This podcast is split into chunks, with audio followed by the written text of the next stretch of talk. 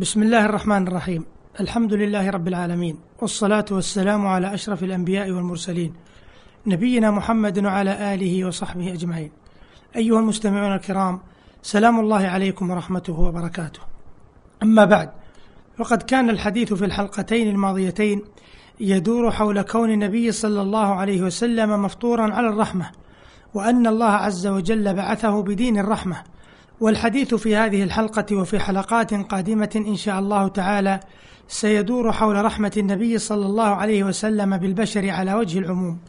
قال الله عز وجل: لقد جاءكم رسول من أنفسكم عزيز عليه ما عنتم حريص عليكم بالمؤمنين رؤوف رحيم. قال القاضي عياض رحمه الله: قال بعضهم: من فضله عليه الصلاة والسلام أن الله تعالى أعطاه اسمين من أسمائه فقال بالمؤمنين رؤوف رحيم. انتهى كلامه رحمه الله. وهو عليه الصلاة والسلام رحمة للعالمين عموما كما قال عز وجل وما أرسلناك إلا رحمة للعالمين وتتجلى في رسالة النبي صلى الله عليه وسلم كل معاني الرحمة. فقد رفع الله عن أمته الآثار والأغلال التي كانت على الأمم السابقة فيسر لها الدين ورفع عنها الحرج وقد امتلأت نفسه بالرحمة فكانت تفيض بالشفقة والرأفة وكان يوصي بها أصحابه ويحث عليها أمته فكانوا أرحم الناس بالناس وأحرص الناس على هداية الناس. فالرحمة جانب عظيم من جوانب شخصية النبي صلى الله عليه وسلم.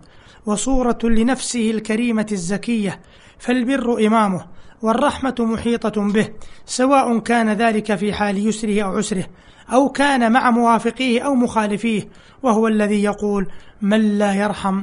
لا يرحم أخرجه البخاري ومسلم ويقول من لا يرحم الناس؟ لا يرحمه الله. أخرجه البخاري ومسلم ويقول الراحمون يرحمهم الرحمن. ارحموا من في الأرض يرحمكم من في السماء. أخرجه أحمد وأبو داود والترمذي. وإذا تتبعت سيرته عليه الصلاة والسلام وجدت أنه يعامل الناس بمقتضى تلك الرحمة ويتضح ذلك من خلال النظر في طوائف الناس أمامه عليه الصلاة والسلام. فطوائفهم لا تخرج عن أربع وذلك كما يلي طائفة المهتدين المؤمنين وطائفة المنافقين وطائفة المخالفين المسالمين وطائفة المخالفين المحاربين. وإليكم أيها المستمعون الكرام التفصيل في تعاملهم مع تلك الطوائف. أولا طائفة المهتدين المؤمنين فهؤلاء يلاقيهم في بشر وطلاقة محيا ويخالطهم في تواضع ويحمل لهم من الرحمة ما هو أرق من النسيم وأجود من الغيث العميم. أما البشاشة وطلاقة المحيا فقد جاء في الصحيح عن جرير بن عبد الله البجلي أنه قال ما حجبني أي ما منعني من الدخول عليه إذا كان في بيته ما استأذنت عليه. ما حجبني رسول الله صلى الله عليه وسلم منذ أسلمت ولا رآني إلا تبسم أخرجه البخاري ومسلم. فالذين يلقون ذوي النفوس الطاهرة في كلوح وانقباض بعلة المحافظة على الوقار لم يهتدوا إلى السيرة الحميدة سبيلا. وأما التواضع فقد قال أنس بن مالك رضي الله عنه كان رسول الله صلى الله عليه وسلم أحسن الناس خلقا وإن كان ليخالطنا حتى يقول لأخ لي صغير يقال له أبو عمير يا أبا عمير ما فعل النغير؟ أخرجه البخاري ومسلم والنغير طائر كان يلعب به. فالذين يخرجون للناس في وجوه عليها غبرة الكبرياء إنما يلقون قلوبا نافرة وألسنة ساخرة ولقد كان لهم في رسول الله أسوة حسنة لو شاءوا أن يكونوا أجلاء محترمين. وأما الرحمة فقد قال تعالى في كتابه الكريم عزيز عليه ما عنتم حريص عليكم بالمؤمنين رؤوف رحيم. وحدثنا عن هذه الرحمة مالك بن الحويرث إذ قال رضي الله عنه أتينا رسول الله صلى الله عليه وسلم ونحن شببة والشببة جمع شاب ونحن شببة متقاربون فأقمنا عنده عشرين ليلة فظن أننا اشتقنا إلى أهلنا وسألنا عمن تركنا وراءنا من أهلنا فأخبرناه وكان رقيقا رحيما فقال ارجعوا إلى أهليكم فعلموهم ومروهم وصلوا كما رأيتموني أصلي أخرجه البخاري ومسلم. ثانيا طائفة المنافقين وكيفية تعامل النبي صلى الله عليه وسلم فهؤلاء كان عليه الصلاة والسلام يعاملهم بما يشبه معاملة المهتدين من الرحمة والرفق والإحسان ومقابلة الإساءة بالعفو أو الإحسان فكان يعاملهم على ظواهرهم دون ما بحث عما تكنه سرائرهم وتنطوي عليه دخائل نفوسهم.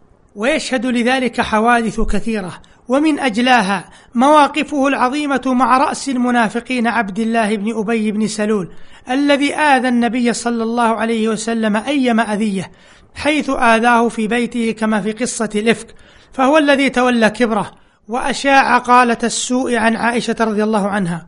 وهو الذي رجع بمن تبعه من الطريق يوم أحد فخذل النبي صلى الله عليه وسلم في أحرج أوقاته وهو الذي قال كما أخبر الله عز وجل عنه لئن رجعنا إلى المدينة ليخرجن الأعز منها الأذل وهو صاحب المواقف المشهورة بالخزي والشنار.